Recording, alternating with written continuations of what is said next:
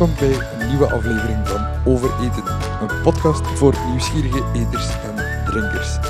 Elke aflevering ga ik op zoek naar culinaire kennis, leuke verhalen, gastronomische avonturen en hoop ik om zo meer te weten over eten. Ik ben Stijn de. Mijn gast vandaag die is zaakvoerder en meester mosterdmaker van een bedrijf die al 150 jaar in Torhout gevestigd is. Hij gaat mij vandaag door de geheimen van het mosterdmaken nemen. Ik denk dat mosterd misschien uh, een van de meest gekende en meest gebruikte kruiden is in onze keuken. Al uh, jaren voordat de zijderotte een ding was. Maar ook in Torhout wordt dat gemaakt. Mijn gast vandaag, Piet Woestijn van Mosterd Woestijn. Piet, um, ik zei net dat je bedrijfje al uh, heel lang uh, een geschiedenis heeft. Kun je even uh, terugspoelen naar het begin van jullie bedrijf en vertellen hoe lang dat al in de familie zit? Maar dit jaar is in feite 150 jaar dat uh, mosterd bestaat hier in Toronto. Nog altijd hetzelfde recept. Dus en ik ben in feite de vijfde generatie in de familie Worstin die de zaak verder zet. En mijn zoon staat ook al te popelen, dus voor de zesde generatie te vertegenwoordigen hier in Toronto. En hoe is het, hoe is het vooral uh, ontstaan uh, van Mosterd Wostin? Oeh, waarom dat ze juist gestart zijn, dat is nog moeilijk te achterhalen. Uh, maar ja, ze zaten in ieder geval in, in, in malderijen enzovoort. Dus waarschijnlijk is daaruit gekomen dat ze begonnen zijn met mosterd te maken. Maar meestal in die periode hadden ze niet één beroep, want meestal konden ze daar niet van leven. Dus uh, in, dat, in hun geval waren ze bakkers, caféhouders, mosterdmakers. Dus uh, ja, vele kleintjes maken een brood natuurlijk en daar konden ze dan wel uh, van leven. Dus ja, later zijn ze dan ja, overgegaan tot enkel en alleen mosterd maken. Dus dat was dan een hoogberoep in feite. En, en, dat is 1869, dus voordien ja, waren ze er ook al een beetje mee bezig, maar zeker niet als hoogberoep. Dan is dat een succesverhaal, dan blijft dat gewoon in de familie. Ja, ja, ja, inderdaad. Dus het is iedere keer in van uh, vader op zoon uh, verder gaan. Dus mijn over-overgrootvader is er in feite mee dan officieel gestart. 1861 is zijn broer uh, erbij gekomen, dus hij is dan met twee beginnen mosterd maken. Ook begin, ja, toch voor die tijd mechaniseren, dus met een, met een machine, een stoommachine in eerste instantie. En dan later was het een petroleum, petrolmachine, dat ze hier zeggen. Blijkbaar is dat geen diesel, dus uh, de familie uh, er altijd op dat moet een petrolmachine zijn.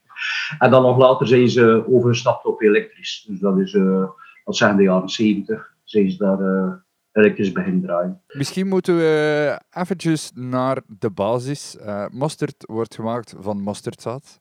Maar meer dan dat heb ik eigenlijk geen idee hoe mosterd gemaakt wordt. Kun je wat beter uitleggen? Ja, ja, natuurlijk verschillende recepten en verschillende systemen om mosterd te gaan uh, vervaardigen. Vroeger meestal waren de groeven mosterd, nee, dus broodboerse mosterd of de voerenmosterd, of dat je het ook wilt gaan, uh, gaan noemen. Uh, maar dat was gewoon omdat ze de techniek nog niet hadden om zo fijn te malen. Dat wij, dat, wij waren de hele eerste die zo fijn konden malen. En dat dankzij de stenen die wij gebruikten, dat waren granietstenen. Dat waren hele grote, zware stenen, dus was ook een serieuze investering. Vandaar dat anderen dat waarschijnlijk niet uh, deden. Is dat dan te vergelijken met een uh, molensteen, uh, zoals je in de molens overal ziet? Nee, want het is een heel ander soort maal. En in de molen zelf is dat droogmaal graan of dergelijke andere zaken dat ze gaan malen. En dat is droogmaal. Dus een heel andere structuur van steen en een heel andere inkapping. Want dat werd met de hand gekapt. Dat was in feite al een, een stil apart, laat maar zeggen. niet iedereen kon dat. Uh, maar ze hadden het voordeel bij ons met de granietsteen, dat is een soort marmerachtige steen, dat is een hele harde steen. Dus ze moesten dat veel minder gaan zetten. Uh, want dat was een heel werk. Uh, een steen zetten betekent corrigeren aan groefjes insnijden en, en, ja, enzovoort. Ja, de groeven. Ja, de groeven voor uh, mosterd te maken zijn totaal anders of de groeven voor graan of zo te gaan malen. Dus heel andere structuren, heel andere inkapping van de steen zelf.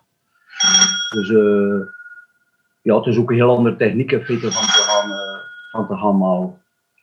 Dus, uh, en het grote verschil was dan natuurlijk dat wij heel, heel fijn gemalen mosterd hebben. En het is logisch, hoe fijn dat je dat zelf gaat gaan malen, hoe meer het aroma en de smaak verrekenen, dus smaakvoller dat je mosterd is. Dus ze maakten vroeger rovermosterd, omdat ze gewoon niet anders konden met, met de machines die dat ze in die tijd hadden. En werden ook meestal met de handen aangedreven. Dat was ook al, uh, ze zo'n aantal in het museum, een aantal voorbeelden. En dat kun je heel goed zien, dus uh, hoe dat ze dat in die tijd ging maken, maar heel ja, in feite primitieve machines. Toch. Dus dan, dan stel ik me voor dat er daar iemand echt gewoon aan een hendel staat te zwaaien om uh, zo'n molen aan te drijven. Is, is dat hoe dat ik het uh, moet zien? Ja, meestal waren dat hele grote wielen, dat ze aan draaiden. En dan aan de andere kant was het hele zware wiel. En, en dat was in feite het vliegwiel. Dus om, om hem draaien te, te houden. Anders als je eraan draait, valt hij direct erop stil. Maar met het systeem, dus als je nat maalt, moet hij blijven draaien. Dus uh, draait ze in feite aan een heel groot ja, rad in feite. En zo bleef hij uh, in werking. Maar dat was een ja, serieus zwaar labeur. Plus, moet ook rekenen, als je mosterd maakt, dat straalt heel erg. Dus dat, dat, dat pikt in feite. Uh, en je ogen en zo een beetje geïrriteerd. Je neus, dat is heel goed als je verkouden bent. Maar als je natuurlijk dat met de hand doet, wij kunnen er een keer wat weglopen uh, nu, elektrisch aangedreven. Maar zij konden dat niet. Uh, dus ja, moesten we wel een serieus traantje geweten hebben in die, in die periode. Dus uh, in zekere zin hoor ik jou met veel respect en bewondering over mosterdmakers uh, uit die tijd praten. Ja, ja, ja, dat was inderdaad. Maar zoals ik zei, dat, dat was meestal een soort bijberoep dat ze deden. Dus uh, ze gingen dan gaan leuren met de mosterd. Meestal was dat de vrouw, met de fiets of met de kar. Meestal werd die kar aangedreven door, door een hond of zo, of getrokken door een hond of iets dergelijks. Nu mag dat natuurlijk niet meer. En zo gingen ze in feite gaan, gaan leuren dan met de mosterd. Dat werd dat gewoon huis aan huis uh, verkocht aan de schep, dat ze zien. Dus het niet gewoon, het was zoveel, waarschijnlijk centimeter uh, per schep dat de mosterd uh, verkocht werd. En meestal namen ze dan nog andere dingen mee om te verkopen. Dat zat dan in tonnetjes, bijvoorbeeld pekelaring of, of, andere dingen. Dus meestal gingen ze gaan combineren om er toch, kunnen, ja, toch een opbrengst te hebben en te kunnen van te jij vermaalt de mosterd, of de mosterdmaker, uh, de machine vermaalt de mosterd. Uh, dat is natmalen. Dat betekent dat de graantjes niet gedroogd zijn. Bij, bij ons, het systeem dat wij mosterd gaan maken, het recept gaan we natuurlijk geheim dat gaan we niet vertellen, dat is zoveel jaren geheim. Uh, maar het eerste wij gaan doen, wij maken een mengeling van donkere mosterdzaad, dat is ook al heel uniek. Want hoe donkerder zaadjes, hoe kleiner, dus hoe minder het rendement en ook hoe duurder. Dus de meeste gaan met eerder bleke zaden gaan, gaan werken. Die zijn niet zo smaakvol, ook meestal niet zo straf, of niet zo pikant, dat ik noemen. Is dat uh, een beetje te vergelijken zoals dat je verschillende uh, fruitsoorten hebt? Uh, hoe moet ik het zeggen? Dat je verschillende appelsoorten hebt. Een, een, een, zure appel tegenover een, een, zoete appel, tegenover een stoofappel. Het verschilt van smaak sowieso. Dat, je kan met een meer de regel stellen, het is niet 100% sluitend. Hoe donkerder het zaadje, hoe kleiner, hoe straffer, maar ook hoe bitterder. En bitter is natuurlijk, als het te bitter wordt, is dat niet meer echt aangenaam. Dus de mosterdmaker gaat dan in feite een unieke mengeling gaan maken voor zijn specifieke smaak uh, te hebben. En vroeger was dat heel streekgebonden. Like hier de streken hier hadden ze heel graag hele straffe mosterd. Als je dan bijvoorbeeld naar, de kant van Limburg gaat enzovoort, dan zijn ze eerder voor de zoete, uh, zachte mosterd. Eh, kindjeskak noemen wij dat maar. uh, dus ja, dat was echt heel streekgebonden. Nu natuurlijk is dat allemaal opengedrongen. Kun je alle soorten mosterd gaan aanschaffen. Uh, maar ze maakten dus in feite, dat zeggen mosterd voor, voor de, voor de laat maar zeggen. Ze gingen dat niet gaan uitvoeren naar, uh, naar de rest van het land. Dus dat was, laat zeggen, voor West-Vlaanderen dan. En je moet ook rekenen, in die periode, dat zijn voor de Tweede Wereldoorlog, uh, waren er heel veel mosterdmakers. Dus iedere stad die zichzelf respecteerde had minimum één mosterdmakerij. Uh, wat was ook het enige smaakmiddel of product uh, ja, die weggelegd was voor iedereen. Uh, andere, like peper, peperduur, ja, gewone mensen konden dat niet betalen. Dus als je een beetje variatie in hun smaakpalet wilde, dan moesten ze wel mosterd gaan gebruiken. Plus mosterd bevat heel veel etherische olie, dus in dat zaad zit er heel veel olie. En die etherische olie zijn in feite, dat zijn antibacterieel, dat is natuurlijk antibioticum. Dus als het vlees niet meer echt vers was, je zou het al niet meer opeten nu, ja, dan ging ze dat gaan wegwerpen. En vandaar komt ook die traditie, ze gaan invrijden met een heel dikke laag mosterd. Ze lieten dat dan een aantal uren, 6, 7, 8 uur trekken. En die etherische olie maakte, bij manier van spreken, dat dat vlees ja, ontsmet werd. En dat ze het konden opeten zonder ziek van te worden. Uh, dus het is in feite een ideale verdoezelaar. Uh, dus dat maakte ook dat je vlees veel meer smaak had. En ook veel malser werd. Ook belangrijk in die tijd natuurlijk. Uiteraard. Je zei daarnet van ja, dat is typisch streekgebonden geweest, omdat uiteraard, die mosterd gaat lokaal verbouwd geweest zijn. Gebeurt dat nog altijd, of moet je al verder en verder gaan zoeken om mosterdzaad te vinden? Wij moeten ongeveer rekenen van de periode na de Tweede Wereldoorlog is de productie in Europa nagenoeg weggevallen. De reden daarvoor is dat de opbrengstperk daar heel erg klein is. En ook als het nat is enzovoort, gaan die oogsten heel vlug mislukken. Uh, en vandaar dus ja, de landbouwers begonnen daar gewoon niet meer aan. Uh, en, en verschoof dat dus uh, ja, naar, naar, andere landen. Indië, ook spreek dat van de donkere zaden, is Indië de grootste mosterdzaadproducent van de wereld. Daarop volgt Canada. nu, de laatste tijd zijn ze een beetje gestart, wat we zeggen, in de Oostblokland, onder andere Oekraïne.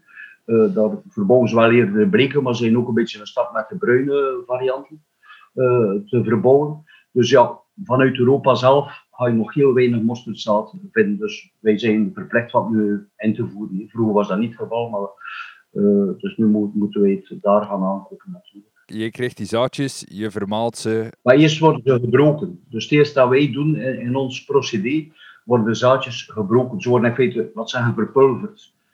En dat is omdat dat, het, het, het, het mosterdzaad kun je heel lang gaan bewaren, want de schul er rond is heel, heel hard. En vandaar kun je mosterdzaad heel erg lang bewaren. Dus zolang dat, dat niet nat wordt uh, of, niet vochtig wordt, ja, gaat dat ook niet gaan kiemen. Dus uh, zolang dat droog blijft, ja, kun je het echt heel lang gaan bewaren. Dus uh, we eerst dat schulken gaan breken, eh, dus verpulveren. En dan krijg je mosterdmeel, dat is een poeder die heel lekker is om ja, in het eten te gebruiken. Dat is sausen doen enzovoort. Wij verkopen dat veel aan, aan chefs enzovoort, aan restaurants, traiteurs. Omdat je daar heel speciale smaken mee kunt maken. Dus we gaan eerst gaan breken, krijg je poeder voor. Dan wordt dat gemengd. In ons geval met azijn, water en een heel klein beetje zout. Dus komt niks anders in. Er zit niks van additieven of andere middelen in. Is enkel alleen mengel je van donkere mosterdzaad, azijn, water en een weinig zout. Dat wordt gemengd, dan blijft dat overnachten. En dan de volgende dag wordt het in feite nat vermalen. En dan komt het in, in vaten en daar wordt het uh, nog een tweetal dagen uitgeroerd. Dat uitroeren is heel erg belangrijk, want de mosterd moet in feite ja, ontlucht worden. En de, de lucht, omdat er zuurstof in zit natuurlijk, moet uit de mosterd, want anders ga je mosterd gaan oxideren en kun je het niet meer gaan bewaren. Dus dat uitroeren is heel erg belangrijk in het procedure. Uitroeren klinkt letterlijk alsof daar iemand met een stok in een vat staat te roeren. Gebeurt dat nog Vroeger zo? was dat wel zo. Nu is het natuurlijk met de roer werken. Ja, we gaan er niet meer uh, manueel gaan inroeren. Dat, is, uh, dat is niet meer haalbaar natuurlijk. En de bedoeling daar is dat je de luchtbubbeltjes eigenlijk uit het mengsel krijgt. Ja, eruit roeren, hè. dus je ziet dat er mooi uitkomen. Dus als ik het goed begreep, dan uh, ga je verpulveren, dus quasi de, de zaadjes in een soort uh, ook een soort molen of een blender steken, zodat je daar een, uh, een meel van krijgt. Dan dat meel ga je de mosterd van maken. Is dat de stap waar dat je bepaalt of je grove of fijne mosterd krijgt? Well, malen, nee. nat malen, dat is de... Daarvoor moet je ook de speciale stenen hebben. Als je die stenen niet hebt, kun je natuurlijk ook niet zo fijn gaan malen. Vandaar dat er nog veel zijn die grove mosterd gaan maken. Uh, dus uh, malen zelf, de mengeling en het malen, maakt dus dat, dat je heel fijn kunt malen natuurlijk. Die azijn die jullie gebruiken, um, is dat iets wat je zelf ontwikkeld hebt? Of is dat iets wat je moet laten ontwikkelen om die smaak van toen uh, te blijven benaderen? Nee, azijn hebben wij nooit zelf gemaakt. Er zijn een aantal mosterdmakerijen die dat wel deden, maar nu, nu niet meer. Nu doet dat niemand meer van de mosterdmakers. Wat meestal begonnen, uh, begonnen ze ook zo. Dus ze begonnen azijn te maken. Dus met azijn konden ze dan ja, gaan inleggen, uitjes en komkommertjes en weet ik veel. Dan begonnen ze mayonaise te maken en, zo uh, ja, uh, gingen ze over naar mosterd en andere dingen. maar wij hebben nooit zelf azijn gemaakt. Die werd altijd ingekocht. Vroeger in die periode zat er in Brugge een azijnmakerij. Dat is dan overgenomen, dat is allemaal onder één grote groep gekomen nu. Maar hetgeen dat wij aankopen is wel nog altijd natuurazijn. Dus het wordt niet chemisch aangemaakt, het is wel nog het verzuren van alcohol feite. Uh, dat ze doen. Dus maar, wij kijken dan wel van nog altijd natuurazijn te aankopen. Dus uh, ze starten uit graan, van graan gaan ze gaan alcohol maken en van die alcohol gaan ze laten verzuren. Dat duurt iets langer, maar je krijgt natuurlijk een heel ander uh, product of dat je dat chemisch gaat gaan maken. Dus meestal is dat nu in poedervorm. En dan mengen ze dat met water en dan heb je ook een soort azijn. Maar bij ons is het wel nog uh, natuurproduct. Jullie zijn ook herkend als streekproduct. Ehm, hoe belangrijk is zoiets voor jou? Ja, in feite is dat wel heel belangrijk geworden in de tijd toen ze daarmee starten. Uh, ben aan het denken, uh, ja, ongeveer 20 jaar geleden zoiets. Ja, we waren de eerste, samen met Rodenbach, de eerste West-Vlaamse uh, producenten die het streekproduct kregen van Vlam toen de tijd. En dan ja, was dat nog niet echt gekend, dat logo. Maar nu, en zeker nu met corona, eh, is dat nog veel meer naar voren gekomen. Mensen weer lokaal gaan kopen enzovoort, gaan streekproducten gaan opzoeken. Zijn er ook speciale streekwinkeltjes. Waardoor, laat zeggen, in, de verloop van die ongeveer 20 jaar, ja, is, is dat bekender geworden en gaan de mensen daar wel naar op zoek. Uh, en ook via de, de, de sterrenchefs en de culinaire programma's, waaronder dagelijkse kost. Hier Neus is een heel grote fan van ons. Die gaan in feite algemeen alle streekproducten gaan promoten. Dus is dat wel heel belangrijk in, bekendheid. En, en, mensen weten dat ook dat zuiver, dat goede producten zijn. Want je moet dan een serieus aantal voorwaarden voldoen om een streekproduct te kunnen uh, worden. Dus geef dat vertrouwen en gaan de mensen op zoek naar, uh, naar de streekproducten. Qua streken gesproken, je, je hebt daarnet even vermeld dat de, de regio Limburg graag voor een, een, een iets zachtere mosterd gaat dan uh, bij ons in West-Vlaanderen vroeger. Is dat nog altijd het geval? Zijn die regionale verschillen er nog, denk je? Wel, meestal zit daar nog ergens mosterdmakerij. Uh, en houden ze wel van hun eigen mosterd. Maar dan gaan ze ook bijvoorbeeld die zachte mosterd gebruiken ze dan gewoon zo te eten. En gaan ze bijvoorbeeld naar een straffere mosterd gaan zoeken om zeg maar iets in saus te doen of vlees in te smeren enzovoort. Dus uh, ja, de mensen kennen nu ook al die andere soorten mosterd, kunnen ze ook proeven. En die gaan dan, ja, meestal als dan twee of drie soorten gaan. Wat zijn niet veel mosterd, maar dat zeker geen artisanale meer in België. Ik denk dat er nu nog zes zijn, want zijn nog weer een paar weggevallen. Dus in West-Vlaanderen zijn wij nog helemaal alleen overgebleven. Dan in Oost-Vlaanderen, heb je de meeste, en waarschijnlijk ook wel de meest gekende, waaronder de twee tierenteins. Dus je hebt Tierentein Verlent, dat is dat typische winkeltje op de groentemarkt in, uh, in Gent, in Gent zelf. Dat is ook het enige winkeltje like bij ons dat je rechtstreeks mosterd kunt gaan aankopen. Dus wij hebben hier ook een winkeltje waar je met je potje kunt komen en terug laten uh, vullen. Dan heb je Ferdinand hier in tijd, dus die hebben niks met elkaar te maken. Dat zijn twee aparte bedrijven, dat is waarschijnlijk wel de meest gekende. Uh, dus dat is een vrij groot bedrijf, die is nu, ik denk, vijftal jaar geleden overgenomen en verhuisd naar Deense. Uh, die zit daar nu met zijn productie. En die is meest gekend van zijn stropjesmosterd. Uh, dat vind je overal een beetje terug. Dan heb je de, de Kroon. die zit daar ook in Oost-Vlaanderen. Dat is ook overgenomen geweest een tiental jaar geleden door twee zussen. En die doen dan ook nog altijd verder, gelukkig. Want anders ja, verdwijnt dat ook. En vroeger hier in West-Vlaanderen had hij het sterke. Dat was overgenomen door Kamps. Dat zit in Oudenaar, dus Oost-Vlaanderen. maar voor hen is dat niet een hoofdproduct. Zij maken het wel nog maar uh, gebruik het meest voor, voor te verwerken in bepaalde uh, en enzovoort te maken. Die zijn daar heel voor, voor gekend. En dan heb je de ster in Lubeek, dat is in, in Leuven. en dat is, dat ook gelukkig recent overgenomen door twee jonge gasten. Want dat ging ook verdwenen, dat was ook al een heel oud bedrijf. En dan de grootste van allemaal, dat is Bister Imperial. Die zit in, in Jambe, op, is net verhuisd naar Cine. Maar dat is nu overgenomen door een heel groot eh, bedrijf. Dus ja, wat ze ermee gaan doen, dat weet ik niet.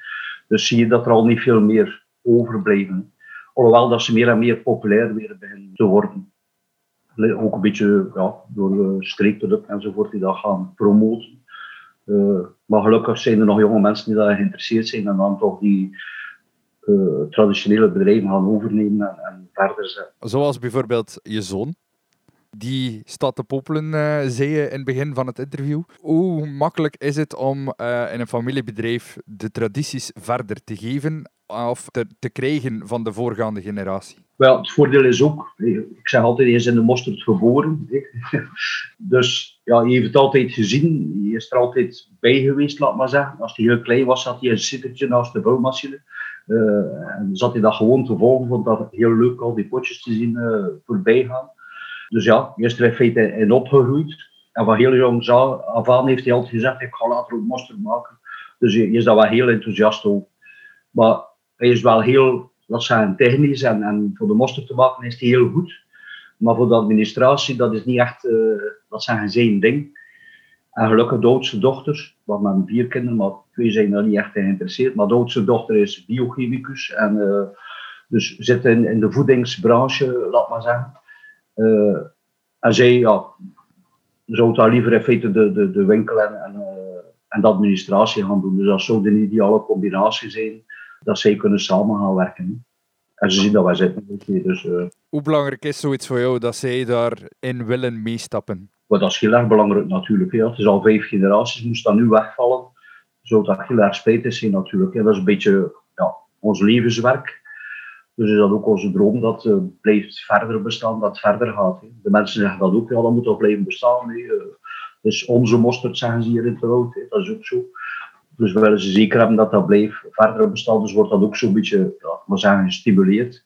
Dus uh, ja, ben ik daar heel enthousiast over dat zij dat willen doen. Hetzelfde geld uh, zijn ze niet geïnteresseerd en ja, verdwijnt het of wordt het overgenomen. En wat je ziet ook in het verleden, de bedrijven die, die groter werden, ja, die werden dan overgenomen, meestal door multinationals. Unilever was dat in dat geval. Die, die gingen dat allemaal gaan overnemen. Liet dat tijdje draaien, voor dat klantenbestand niet hebben. Dan werd dat opgedoekt, overgebracht naar Amora, een van Unilever. En verdween de. Dus uh, als je ziet van 163 in de eeuwwisseling, 1900 natuurlijk, uh, tot nu, nog maar een stuk of zes. Ja, dat is wel een heel groot verschil. Dus ze hebben al die, die belangrijk was in de tijd, hebben ze overgenomen en ja, geïntegreerd in een, uh, in een multinational en verdwijnen gewoon. Want ik zag op jullie, op jullie website dat dat risico bij jullie ook kort even uh, er was. Ja, ja, ja inderdaad. Ja. Dus er ook uh, een poging gedaan in feite om dat te, te integreren in andere bedrijven, maar gelukkig hebben ze dat niet, is dat niet doorgegaan, hebben ze dat niet gedaan. Dus is het wel zo gebleven. Ik zeg altijd, het is eerst product en dan de rest. Dus het product moet altijd uh, zeker zo blijven. Wordt dat overgenomen door grote bedrijven, ja, dan kunnen ze dat niet meer maken. Het dus maar mevrouw en ik die dat doen, dus wij kunnen dat in feite nog makkelijk, dat is vroeger maakte, hetzelfde recept. Ze natuurlijk ja, industrieel gaan, dan kunnen ze dat niet meer doen, is dat niet rendabel meer genoeg. En als ze dat recept gaan veranderen, dan dat, uh, ja, verdwijnt het ook, he, ook product natuurlijk. Dus, uh, en dat willen we zeker vermijden. Hoeveel verschillende mosterdsoorten maak je nu? Is dat één recept of heb je een paar variaties op, uh, op het thema? Wel, tot vorig jaar, tot 150 jaar bestaan, hadden we één soort, dus altijd hetzelfde recept geweest, die heel fijn gemalen, heel we voor gekend zijn. Maar we hadden een beetje ja, vraag, zeker van de horeca, uh, voor een keer een grove mosterd hebben, voor bepaalde sausen, voor die structuur enzovoort. En dan hebben we besloten voor 150 jaar voor een speciale mosterd te maken. En dat is een biermosterd geworden. Dus wij hebben al tiental jaar, of 15 jaar zelfs, een mosterdbier. Dus dat is een bier die gemaakt is met dat mosterdzaad van ons. Dat is heel speciaal Birken de Arm, uh, noemt dat. Is een brouwerijtje in Brugge die dat maakt. En dan hebben we besloten om een uh, biermosterd te maken. Dus uh, we hebben gekozen voor de groeve mosterd. Want als je dat feit ging gaan dan proefde je dat bier niet meer. Dat verdween in feite in, in, in, het vermalen, laat maar zeggen. Uh, dus hebben we dan een groeve versie gemaakt. Dus met dat bier erin, dus die ook heel speciale smaak heeft. Er zit geen alcohol meer in, we hebben het al laten testen. Dus uh, daar moeten mensen geen schrik, van hebben. Dus de kinderen kunnen het ook eten. Maar het is een heel andere structuur, een heel andere smaak, iets heel anders. Dus zeker ideaal om saus te maken, maar je kunt het ook zo eten. Uh, dus ja, dat was voor een keer een, een variatie te maken en te bewijzen dat we dat ook kunnen uh, natuurlijk. Maar onze hoofdmosterd is nog altijd die heel fijn gemalen mosterd, die heel specifiek is voor ons. Dus uh, dat gaan we altijd blijven maken. Dat gaat wel de core blijven van, van, van wat Woestijn voor staat, klinkt het zo. Ja. Maar het klinkt ook alsof dat je nu de deur op een kier gezet hebt om af en toe iets nieuws te proberen. Ja, maar ja, ik zeg altijd feitelijk bijvoorbeeld in die genres er praat op dat ze 87 soorten mosterd hebben, maar dat is dan met rode biet, met look in, met zo. Maar dat kun je perfect zelf thuis doen. Voeg daar een beetje look of rode biet of wat je ook wilt, uh, van, van kruiden eraan toe. Laat dat een dagje staan en dat, heb je, dat kun je makkelijk zelf maken. Maar bier toevoegen aan je mosterd of andere vloeibare dingen, ja, dat kun je niet. Als je dat gaat doen, ga je zien dat die mosterd gaat schiften, dat gaat heel veranderen, je kunt daar niks meer mee aanvangen. Dus dat, dat moet je in feite in het proces zelf gaan doen. En vandaar, ik had al een keer vraag gehad voor om andere mosterd te maken. Dat heb ik altijd geweest. Maar dat kun je niet zelf maken. Dus omdat je het niet zelf kunt maken, heb ik dat wel gezegd, ja, dan wil ik dat wel uh, gaan, doen. Dus dat was een beetje de, de, reden dat we dan toch wel een keer een andere mosterd gemaakt hebben. Het was ook de bedoeling om het enkel in dat jaar te doen, van 150 jaar. Maar het viel zodanig in de smaak, onder andere ook bij de horeca, zoals gezegd. Uh, dus dat we het in feite nu blijven verder maken. Maar we verkopen het enkel hier in het winkeltje en een paar delicatessenwinkels. Dus niet de bedoeling om dat groot te gaan verkopen uh, en, en, te gaan verdelen. Dus uh, het is een beetje meer als ja, exclusief product. Dus voor de mensen die het echt willen. Dus mensen die op zoek gaan en die dat vinden, die hebben een klein pareltje in handen ja, ja, dat is ook een beetje de bedoeling, een beetje de charme dragen, eraan geven en dat het ook zo leren kennen uh, en appreciëren natuurlijk. De, de, de klassieke mosterd daarentegen, die wordt wel breder verdeeld. Waar kun je die allemaal vinden? Ja, in, heel veel buurtwinkels enzovoort. Nu zijn er uh, enorm veel uh, streekproductenwinkeltjes aan het opkomen. Ook bij zo'n situatie nu natuurlijk. Maar ja, we gaan het ook gaan verdelen via groothandelaren die het dan naar binnenorijn en kleinere winkeltjes gaan brengen. Ook uh, dus naar, naar horeca toe, horeca totaal enzovoort gaat dat gaan verkopen. Omdat ja, distributie moet iets beter zijn natuurlijk voor die mensen. Maar ook bijvoorbeeld de, de lijzen, dat zijn de eerste die begonnen zijn in de tijd. Dat zijn ongeveer 14 jaar geleden met streekproducten verkopen. Dus die zagen er al nut in van die streekproducten. Dat was dan nog provinciaal iedere keer. Dat is dat één. Later is dat van streekproduct nationaal geworden. Veel later in feite. Uh, maar die zagen er al nut van in. Dus de eerste start met de gehaald. komt onder andere onze mosterd. Daar zijn ze mee begonnen. En dan anderen die gevolgd zijn. maar nu wordt het ook al verkocht in de, in de Carrefour, de OK-winkels. de, de, laat zeggen, de, de regio-supermarkten, de buurtsupermarkten worden ook bevoorraad. Sommige rechtstreeks door ons, andere via andere kanalen. Dus ja, nu kun je het toch al hier en daar terugvinden. Wat zeggen over Hans het. We zijn dan ook gestart, dat is in feite begonnen met El Bulli, ongeveer uh, eh, 15 jaar geleden. Dus dat was toenmalig het beste restaurant van de wereld. En die, die hadden ja, op, op, een tour dat ze deden, een keer onze mosterd geproefd. Die waren daar direct van uh, in de zevende hemel, laat maar zeggen. waren daar heel enthousiast over. Die zeiden dat dat gaan gebruiken in, in een restaurant. En zo is ja, de horeca gevolgd. Dat was voor ons een schitterende reclame. En is ook de horeca gestart. En zie je ja, bij sommige horeca-zaken uh, dat ze het werkelijk op de kaart zetten. Dat je klaar gemaakt met Torotse mosterd of met mosterd, zoals we hier uh, noemen. En zo uh, ja, zijn dan ook andere sterrenrestaurants in het buitenland. Bijvoorbeeld Noorwegen, Denemarken. zijn ze ook begonnen met daar mosterd te verkopen. Duitsland, Nederland, Frankrijk. Dus we voeren toch ook al wel een beetje uit. Niet een grote hoeveelheid natuurlijk, dat ook niet. Maar daar al vraag voor gehad, bijvoorbeeld van China enzovoort, van direct iedere week een container. Maar dat kunnen we natuurlijk niet, dat willen we ook niet. Dus ja, wordt hier en daar wel uitgevoerd, maar dan meestal naar speciaalzaken enzovoort. In Nederland is er een winkel die niks anders dan alle soorten mosterd verkoopt. Uh, dus wij zitten daar ook bij. In Rotterdam is dat. Uh, maar ja, hier en daar in het buitenland ga je het ook al wel terugvinden. Zelfs laatst waren er mensen die op reis geweest waren, vorig jaar natuurlijk, naar, uh, naar Thailand. Uh, en die hadden daar in de Tesco onze mosterd teruggevonden in Bangkok. Dus ja, dat was wel. hoe, dat daar juist raakt, weet ik niet, maar het is daar wel, uh, zat daar wel te koop. Ook een leuke dus- verrassing als jouw klant de winkel in komt en zegt van hey, ik heb een potje mosterd mee voor jou, ik heb het gekocht in Bangkok. Ja, ja, die brengen dan eentje bij, terug voor te bewijzen dat ze daar, uh, nu trekken ze foto's natuurlijk nog op. En die zijn daar ook heel enthousiast over. Hè. Ja. En voor ons is dat ook leuk, dus dat geeft ook wel een beetje, of dat geeft op, dat is leuk. Ik zie Jan, uh, aan jou gezegd, de, luisteraars kunnen dat natuurlijk niet zien, uh, maar ik zie dat de, de, de fierheid daarover wel, wel afstraalt. een, een kleine mosterdmaker die langzaamaan de wereld verovert. Ja, ja, zeker. Ja zijn daar heel trots Nu, de, de, de mosterdpotjes die ik in de winkel ken, de glazen potjes met het een, beetje traditionele label, die zijn heel herkenbaar.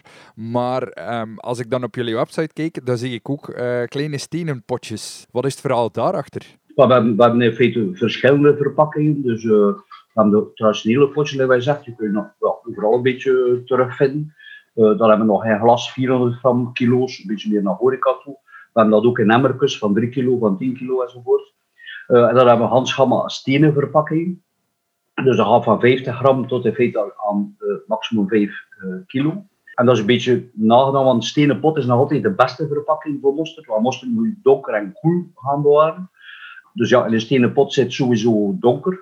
Plus als je dat uit je frigo mag je dat zeker een uur op je tafel laten staan. Je mosterd gaat nog altijd min of meer dezelfde temperatuur behouden. Wat te goede komt aan de kwaliteit en de levensduur van uh, mosterd. Hetgeen dat je wel moet doen, zeker als je het in de frigo zet, want een berging is in feite beter dan een frigo, maar ja, de meeste mensen hebben dat niet meer, dus is het alternatief de frigo. Maar dan ga je zien, er zit niks van bindmiddelen enzovoort, dat er, die etherische olie komt een beetje bovenop die mosterd Dus het zo'n klein laagje die er komt opleggen. Dat is positief, want zo kan je mosterd niet uitroeren. Maar dan moet je gewoon iedere keer omroeren, zodat die, dat weer mooi homogene massa wordt. En dan ga je mosterd altijd vers en pittig blijven. Dus uh, een stenen pot is nog altijd de beste verpakking om mosterd in te gaan uh, verpakken. En de, ja, er zitten daar een aantal potjes bij met de, met, de kurk, met de stenen deksel enzovoort. Maar die met de kurk zijn een beetje, laten we zeggen, nagemaakt van de oude potjes dat je vroeger ook aanboden hier in, in het winkeltje. Dus dat is echt ook een, een knipoog naar het verleden dan, die, die stenen potjes? Ja, ja dat is wel... we hebben nog hele oude potten van 80 rood ja, die, die verkopen natuurlijk niet, uh, niet courant. dat is een beetje voor de, voor de liefhebbers of de verzamelaars. Als ze dat echt willen, uh, dan kunnen ze wel nog zo'n pot uh, komen bij ons. In het winkeltje kun je ook met je potje komen en de mosterd laten vullen. Dat gaat dan over die stenen potjes of brengen mensen gelijk wat voor soort potje mee? Wat ik zeg altijd, ze mogen om even wat meebrengen. Sommigen brengen ja, lege chocopotten of confituurpotten of zo, of steriliseerbokalen mee, omdat dat goed uh, afsluit. Uh, op het moment dat het proper is, dan vullen we het op. En dat is gewoon per gewicht. Dus het bewogen en je betaalt gewoon gewicht. Je betaalt dan natuurlijk geen verpakking, dus het is iets goedkoper of dat je normaal in de winkel had gaan halen.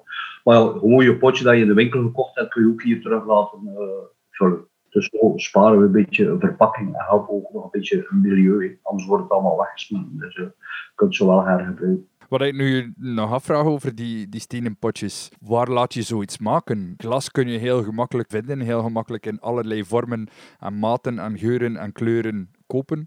Maar zo'n stenen potjes met een, uh, met een stempel van Oostin op, dat vind je toch niet zomaar? Nee, wij laten ze natuurlijk speciaal maken. We hebben een aantal pottenbakkers die al jaren voor ons potten maken zit eentje in werken uh, en daar maken ze de, dat zijn de machinaal, dus met de moelen uh, potten. Dat is voor die kurken, dus omdat het dan makkelijker gaat om die kurken juist te doen passen. Dus ze weten de rechte potten dat ze met, met de moelen maken. En dan het hoofdje en Mayhem, die maakt in de handgedraaide potten. en daar gaan ze gewoon de naam met een stempelje in gaan duwen. Dus die zijn in feite heel artisanaal. Uh, op een andere het, die, machinale wordt op gedrukt. Wel met specifieke logo van uh, in. Uh, en bij het uh, dat kun je ook gaan bezoeken daar, die pottenbakkerij dan. Kun je dus, ja, ze heeft handgedraaid, dus met, dat is met een stenen dekseltje. Dus dat je ook zelf draait, anders zijn met de kurk. Dus dat zijn de twee die voor ons de, de potten maken. Nu, je hebt ook die, die 80 jaar oude potten. Komt dat dan uit jouw museumcollectie? Maar dat zijn potten die hier vroeger gebruikt werden. Het museum gaat niet enkel over Mosterdbostil. Het museum gaat algemeen over Moster Internationaal zelfs. Dus we hebben een hele verzamelingen dat er nu uh, ongeveer uh, 1100 uh, verschillende mosterpotten staan. Heel veel van in België natuurlijk hier. Uh, maar ook van andere landen. Oostenrijk uh, had ook een hele grote traditie. Nederland, uh, Engeland, Duitsland, Frankrijk natuurlijk, ja, Dijon-potten enzovoort. Dus het zijn in feite internationale verzamelingen. Er staan ook een aantal heel oude machines. Eentje van 1800, eentje van 1900. En nu hebben we er nog een nieuwtje bij, een handmachientje die ongeveer 300 jaar oud is. Maar dat we nog aan het restaureren zijn. dat uit een boerderij gehaald die ja, verkocht werd. En daar is een heleboel attributen, waaronder dat mostermolentje. Uh, die mensen hebben ons verwittigd, uh, weten dat we een museum hebben. We hebben daar gaan ophalen het moet een beetje, een beetje opgekeust en een beetje gerestaureerd worden. Uh, en per jaar normaal gezien, dit jaar hebben we geen bezoekers ontvangen natuurlijk met de situatie. Maar normaal gezien per jaar ontvangen we ongeveer 10.000 bezoekers. Dus altijd in groep en op afspraak. en dan ja, open tot maximum 50 mensen kunnen normaal binnen bij ons. Uh, en dan ja, kunnen ze de productie bekijken en wordt ook een beetje de geschiedenis uitgelegd. En dan kunnen ze een boster biertje drinken en een boster pralietje die door een plaatselijke chocolatier gemaakt worden. Uh, pardon? Een, een mosterdpraline? Ja, ja, ja, inderdaad. Dat is in feite gecreëerd geweest door uh, Dominique Persoon. Maar later hebben we dat hier laten maken door de plaatselijke chocolatier, omdat dat praktisch was. Dus het is een, een crèmevulling met een vleugje mosterd aan toegevoegd. Dus het is niet dat je daar... het is geen fokpraline met zuivere mosterd. Het is in feite een crèmevulling die heel specifiek is. Dus je proeft wel in de nasmaak de mosterd. En die combinatie van dat vleugje mosterd met de chocolade, ja, dat is heel specifiek en heel lekker. Dus we hebben daar heel veel succes mee. Maar ook mosterd jenever. Uh, dat ook speciaal laten maken voor ons. Is een recept dat we teruggevonden hebben, die ongeveer 150 jaar oud uh, was bij de verhuis, toen dat we met de productie verhuisd zijn naar het bedrijventerrein. Uh, hebben we dat recept teruggevonden en we laten doorgeven aan de distillerie. En die maken dus voor ons exclusief onze mosterd jenever. Dat is een volle graan jenever van 40 graden, dus een vrij stevige borrel. Maar die samen gedistilleerd wordt met het mosterdzaad. Dus ja, het heeft ook een beetje dat kleur en smaakt er ook heel erg naartoe. Ja, heel leuk, want we hebben net een, uh, een aflevering opgenomen over Genever, dus waarin dat naar voren kwam dat Genever ook andere kruiden kan bevatten dan enkel Geneverbes. Dit is het perfecte voorbeeld natuurlijk. Het is een heel specifieke bos, maar Genever kun je gigantisch veel maken natuurlijk al de smaken enzovoort kun je eraan aan toevoegen. Ze daar ook bijvoorbeeld, ze hebben dat voor de, omdat er uh, in Limburg gemaakt, uh, heel veel witlooфteelt is daar en daar is witloof jenever gemaakt. Ja. dus uh, kun, je, kun je met alles jenever gaan, uh, gaan maken. Ja. Maar onze mosterd jenever is wel heel uniek. Dat, ja, dat, dat, geloof ik best. Um, hoe, hoe, is dat idee voor dat museum eigenlijk ontstaan? Is dat ontstaan als je grote opkeus deed en dacht van wat moet ik hiermee doen? Of leg dat even uit. Ah, wij hadden natuurlijk een bescheiden verzameling over mosterdworst in. Dat was niet zo heel erg groot, dus zeker niet om een museum mee te starten. Maar hier in Torhout zit er een hele grote, een van de grootste verzamelaars van mosterd en mosterdpotten. Ja, en die man zijn verzameling stond in feite ja, een beetje in zijn huis het grootste deel in dozen op zijn zolder. Uh, die vond dat heel spijtig. En zo zei hij, ja, zullen we niet starten met een Mosterd Museum? Uh, daar kan je mee een collectie voor gebruiken, met jouw, dus dan het gedeelte van Mosterd natuurlijk. En zo zijn we in feite gestart in uh, eh, 2004, ja. met het Mosterd Museum, eerst heel bescheiden. Ja, natuurlijk, mensen kwamen dat een keer bezoeken en ja, die zeiden, ja, we gaan nog potten staan van, van grootmoeder of overgrootmoeder, eh, heel speciaal. En die zeiden, ja, we gaan dat een keer meebrengen. Ja, en die begonnen dan monsterpotten te geven aan ons, of, of te verkopen aan ons zelfs. Uh, en dan een aantal verzamelaars. Ja, ik kan niet op zijn naam komen, maar dat is nu de laatste verzameling. Maar mensen bijvoorbeeld, waar dat de, de man de groot verzamelaar was van monsterpotten, was iemand uit Gent. Uh, en die, die had op een bepaald moment gestorven. En die vrouw ging dan naar een serviceflat. Ja, die verzameling meedoen daar was niet mogelijk. Uh, ja, dan komen ze bij ons terecht. Dan komt die verzameling. We hebben nu een stuk of vijf verzamelingen al. Uh, onder andere van mevrouw Boesemaar uit uh, Brugge. Die ook al overleden. Maar die had ook een 500 stuks. die verzamelde alles van, van kleine potjes mosterd. Dus hetgeen dat je op tafel zet. Dus dat was een ideale aanvulling in die tijd. Dus zo groeit het altijd maar aan, komt er altijd maar bij. Maar nu van iemand van Duffel, uh, Hanse verzameling gekregen, ook een beetje hetzelfde verhaal, de man naar een, rusthuis. Dus ja, ik niet meenemen. En vond dat schitterend dat zijn verzameling nu verder leeft, bij van spreken, bij ons in het museum. Dus we vermelden toch altijd van waar dat komt en van wie dat komt. dus zo groeit het altijd maar aan. Ja, het is niet enkel mosterpotten wat je daar staan hebt. Nee, nee, nee, het zijn niet alleen mosterpot, het zijn alle attributen die we, ja, het staan mostermoontjes, uh, van alles in feite, uh, die met moster te maken en met dat met moster te maken heeft, dan, uh, dan is het welkom. Wat is een van jouw pronkstukken die, die, die in het museum staat? Ja, met, met een hele mooie hand aangedreven machine uit 1800. die komt in feite van, van Roeselaar. Die is daar tot 1984 gebruikt geweest door de familie Carbon. En van die kleinzoon hebben we dus, uh, dat stond nog in het ouderlijke huis. Op een bepaald moment ja, gingen ze dat volledig verbouwen. En dat was ja, in een schuur achteraan dat dat stond. En dat stond er nog origineel. Uh, wat zat zelfs nog mosterd tussen toen haalden. Uh, En die vonden, ja, dus ging dat eerst wegwerken, maar die vonden, ja, dat kan niet, dat is een familiestuk. En die hebben dat dan naar hier gebracht, waar dan ook volledig boen, samen met school hier, met de technische school. is die volledig gerestaureerd geweest. dus het houtwerk was een beetje, dat zijn vermomd. Dus dat houtwerk hebben ze uit de vroegere vaten van de mosterd, de houten vaten die niet meer mogen gebruikt worden uh, tegenwoordig. En daaruit hebben ze in feite dus een volledig nieuwe stoel gemaakt, waar de, de aandrijving op staat in feite van de, van de mosterdmoer. Dus heel prachtig stuk dat we daar uh, staan hebben. Je zegt net dat je, de, de lokale technische school gebruikt om uh, die dingen te restaureren. Maar gebruikt is misschien het verkeerde woord, maar uh, dat lijkt wel een leuke samenwerking. Um, hoe, hoe ontstaat zoiets? Ja, dat was redelijk technisch, dus je moet daar ook de machines voor hebben om zoiets te gaan maken. Dat hadden wij niet. Die, een paar andere hadden wij zelf gerestaureerd. maar daar was dat niet, niet mogelijk, omdat we de apparatuur niet hadden om zo'n stukken te gaan aanmaken.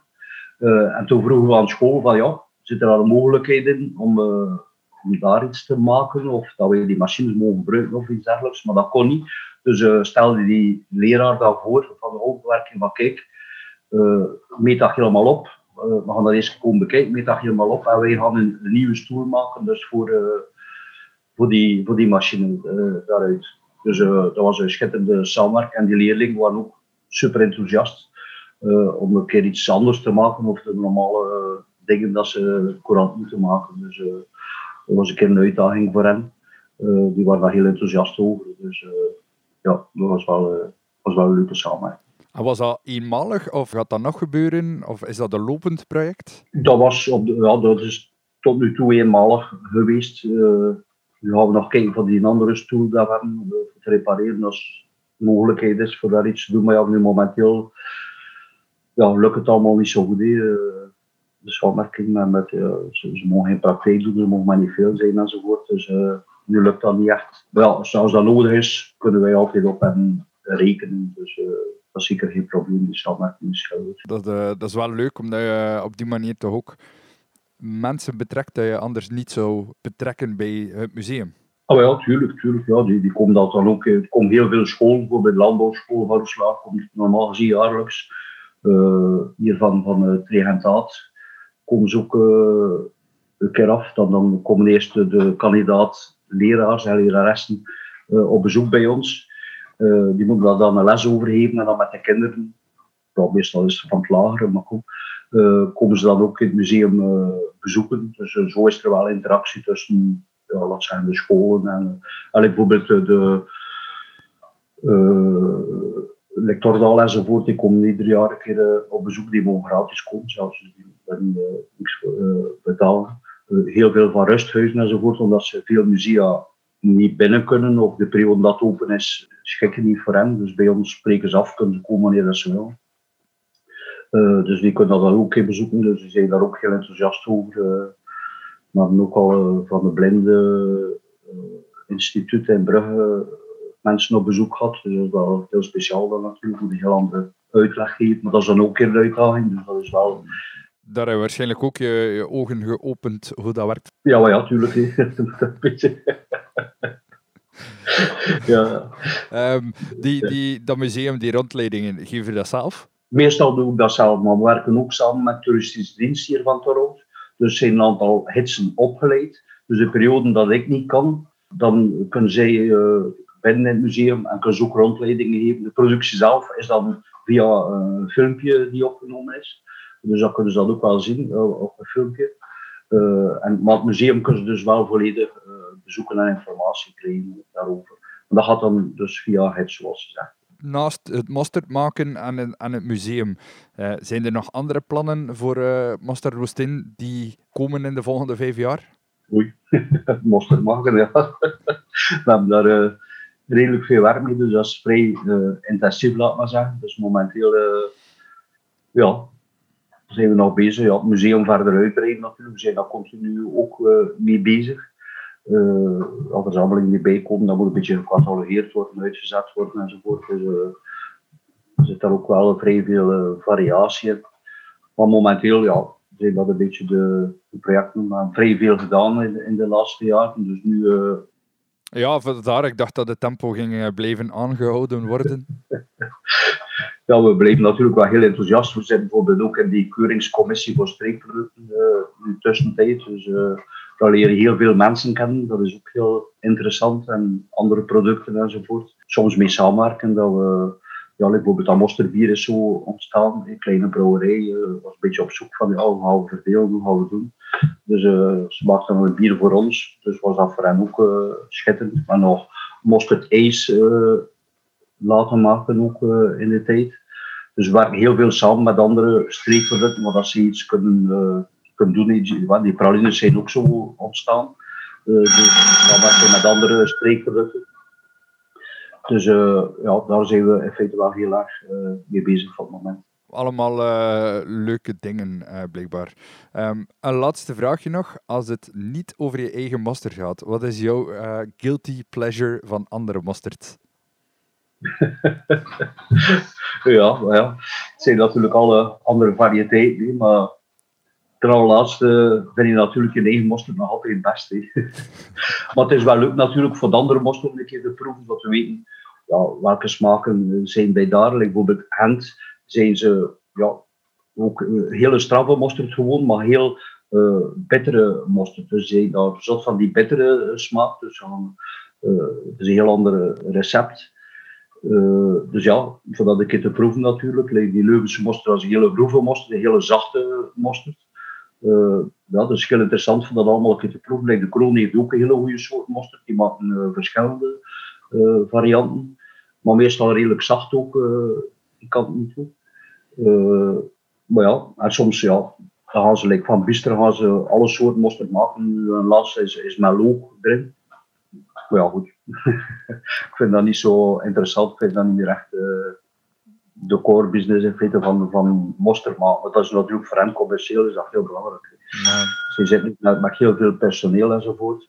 Dus die moeten wel grote producten hebben, dus die mogen gaan kijken voor iedere keer die afzetmarkt altijd maar uh, onderhouden. Dus, uh, Als aller, allerlaatste vraag, wat is jouw favoriete recept met mosterd? well, hier een beetje, laat zeggen, nationaal uh, gerecht hier in Tullout. dat is een varkensgaasje. Dus dat ze gaan in uh, smeren met, uh, met onze mosterd. Ze laten dat dan overnachten. Dus daar worden we sowieso nog uh, malster en zachter en, en smaakvoller. dus dat is wel een heel lekker recept. Maar als je er wil vinden, dagelijkse kost. Jeroen Meus die doet regelmatig een recept met onze mosterd. Dus daar kun je heel veel varianten vinden.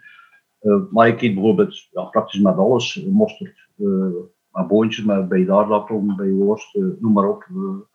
ja, ik eet bij, bij alles mosterd. Dus het moet daarvoor niet altijd in een bereiding zijn. Maar voor saus te maken is natuurlijk ook heel lekker. Mijn vrouw doet dan gewoon varkenskoteletje dat ze klaar maakt. En dan met de jus die over is, gaan ze gaan mengen met onze mosterd. Dat bindt ook een beetje je saus. Dus ja, dan wordt dat overgehoord. Dus geeft ook een heel lekker smaak. Zelfs onze kinderen die dat heel graag. Zelfs toen dat ze klein waren. Dus uh, die hele strafte is dat weg. Maar wel de volle smaak van de mosterd vind je nog terug. Voor die kinderen is dat natuurlijk wel uh, interessanter. maar je kunt in feite ja, vlees smeren. ik heb het gezegd, dat is traditioneel van, van vroeger. En nu wordt dat nog gedaan voor de smaak en voor, voor mals te maken. Uh, maar je kunt even goed een biefstuk uh, daarmee inspelen en, en, laten overnachten. En dat is een beetje het voordeel van onze mosterd, doordat het zo fijn gemalen is. Kun je dat op voorhand gaan insmeren en dan ook klaarmaken. Bijvoorbeeld op de barbecue kun je dat ook perfect. Als je dat met groeve doet, wat gaat er gebeuren? Die korreltjes, die brokjes die er nog in zitten, die stukjes gaan, gaan verbranden. Dus je kunt dat niet op voorhand gaan Je kunt wel nadien gaan invrijven, maar je kunt in feite niet gaan uh, op voorhand invrijven. En dat is natuurlijk interessant, want sommigen doen dat ze wrijvend in en dan gaan ze het vacuüm gaan trekken. En dan gaat die smaak en die mosterd dan nog veel meer in dat vlees gaan uh, trekken. En kun je het zo, zo klaarmaken, dat is nog veel smaakvoller natuurlijk. Vandaar dat er heel veel van die chefs en sterrenchefs enzovoort graag onze mosterd gebruiken en die toch zeker in die, die. Het klinkt like of dat een uh, woestin kookboek geen slecht idee zou zijn. Ja, ja, dat zou dat Maar er bestaat eentje, maar uh, ja, het is heel regionaal hier iemand van Kortemark die daar ooit de, de, de oude dish noemt. Dat zijn hele oude gerechten, dat ze vroeger klaar maakten, die een beetje verdwenen zijn. En die man vond dat zo spijtig. Dus ja, natuurlijk, in de streek werd er sowieso heel veel mosterd gebruikt. Dus heeft hij ja, een soort boek samengesteld. Uh, ik zeg dat is heel regionaal. Met, met alle recepten met onze mosterd. Fantastisch. Is dat ook te krijgen in de winkel?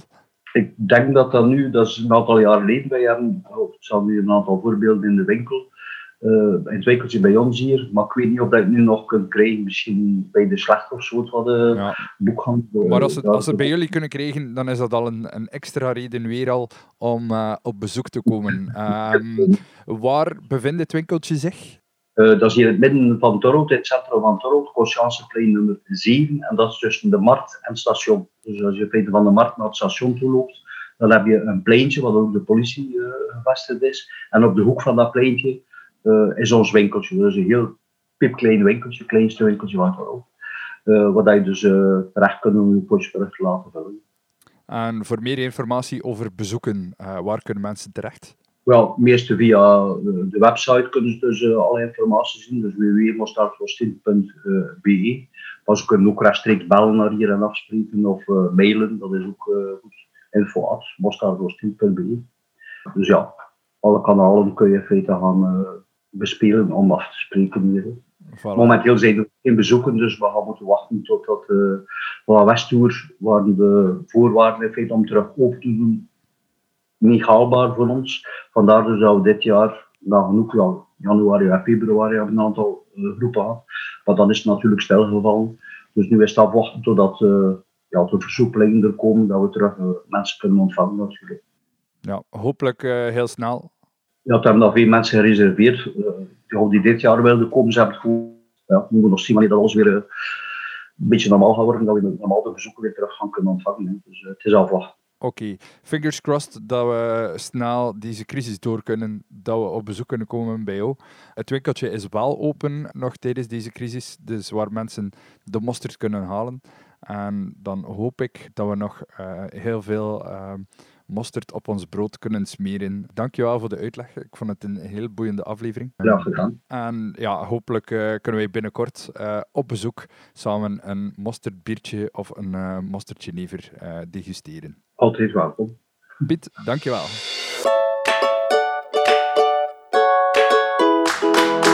Bedankt om te luisteren naar Overeten.